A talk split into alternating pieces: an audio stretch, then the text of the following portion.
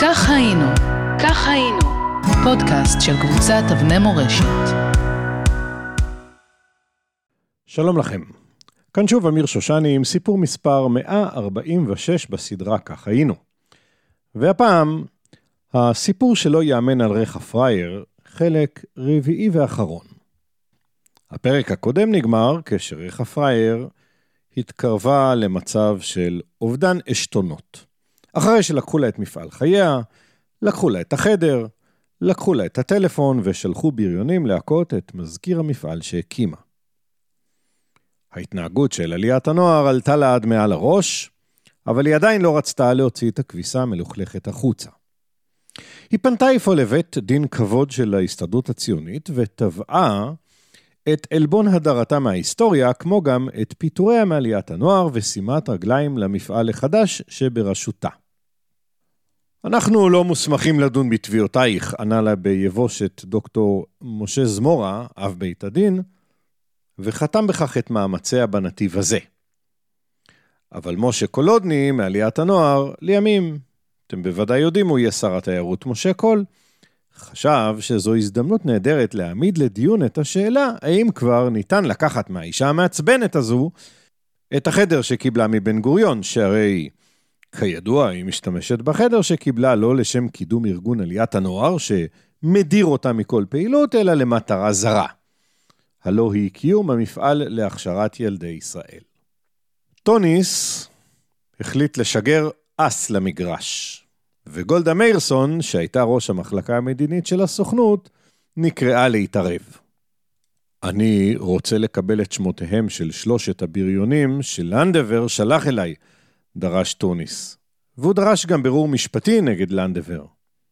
הכנתי חומר על הפרשה, הוא הוסיף כדי להראות שהוא רציני, ואיים לפרסם אותה. הפעם עיתוי המכתב היה מושלם. ברקע עמדה ועדת אונסקופ להגיש את תוכנית החלוקה לאו"ם, ורק זה היה חסר לה לגולדה מאירסון, שהם ישמעו איך נסגרים פה ענייני מחלוקת. תגמור את הפרשה הזו! גערה גולדה מאירסון במשה קולודני, כשהיא מתכוונת גם לחדר, גם לטלפון וגם לבית הדין. היא קיוותה שזה ירגיע את הדרישה לדיון על הבריונים, שבוודאי לא הייתה מוסיפה להם כבוד.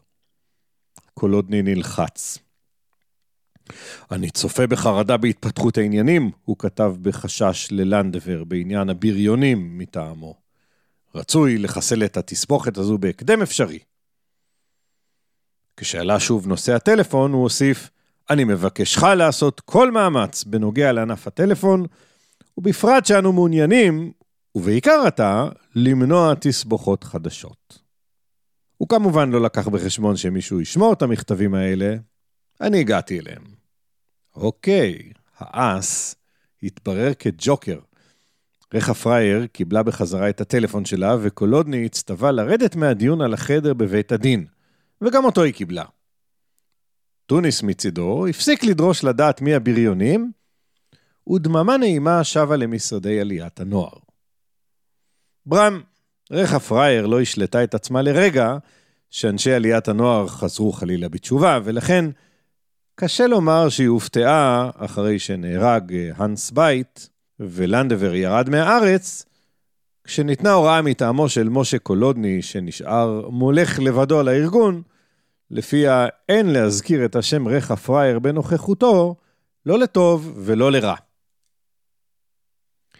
בינתיים, רבותיי, מכונת ההסתרה וסילוף ההיסטוריה של הסוכנות היהודית המשיכה לפעול נגד רחה פריאר ללא שום הפרעה. שנת 1950 הגיעה, ועיתוני התקופה בישרו לעם היושב בציון כי בחודש פברואר יחגג יום הילד, לכבוד מפעל עליית הנוער שהנריאטה סולד ייסדה. בוועד המארגן של יום הילד השתתפו שרים מהממשלה, ורכה פרייר התפוצצה מכעס.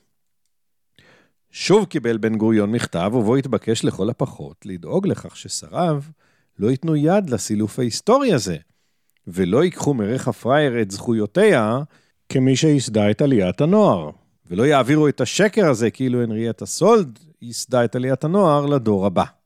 אבל הפעם בן גוריון בחר לשתוק, ורחה פריאר החליטה שהגיע הזמן להוציא את הכביסה המלוכלכת החוצה.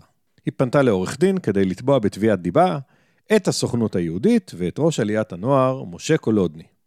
מצטער, לא אוכל לייצג אותך. בדיוק קיבלתי פנייה לייצג את הסוכנות באיזה עניין, אמר לה עורך דין אחד שאליו היא פנתה. צירוף אה, מקרים מוזר, לא? מצטער, לא אוכל לייצג אותך, כי קיבלתי פנייה לייצג את הסוכנות באיזה עניין, אמר לה עורך דין שני שאליו היא פנתה. נו, זה uh, כבר חרג מסתם צירוף מקרים, אלא נראה יותר כשיטה. האם כל אדם שאליו תפנה רכב פראייר בבקשה לייצג אותה בתביעה נגד הסוכנות היהודית, יקבל פנייה מטעם הסוכנות לייצג אותה באיזה עניין? אולי. אבל לומר נואש? לא אצל רכב פראייר. המשיכה והמשיכה והמשיכה לנסות.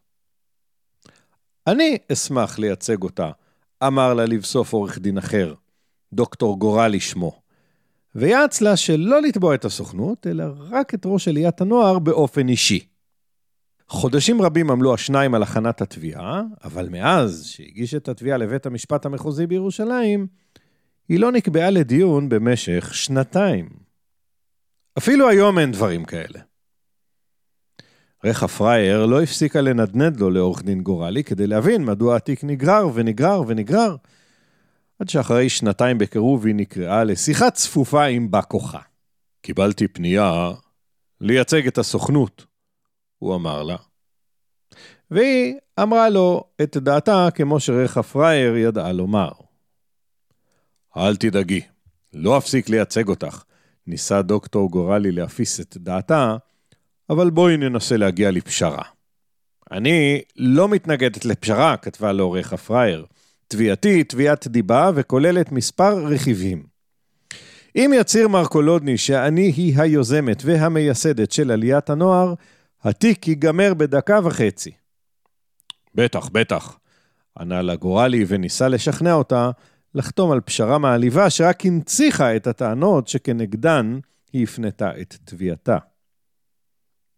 שוב נאלצה ריחה פראייר לומר לו את דעתה כמו שריחה פראייר ידע לומר, אבל כלום לא עזר לה.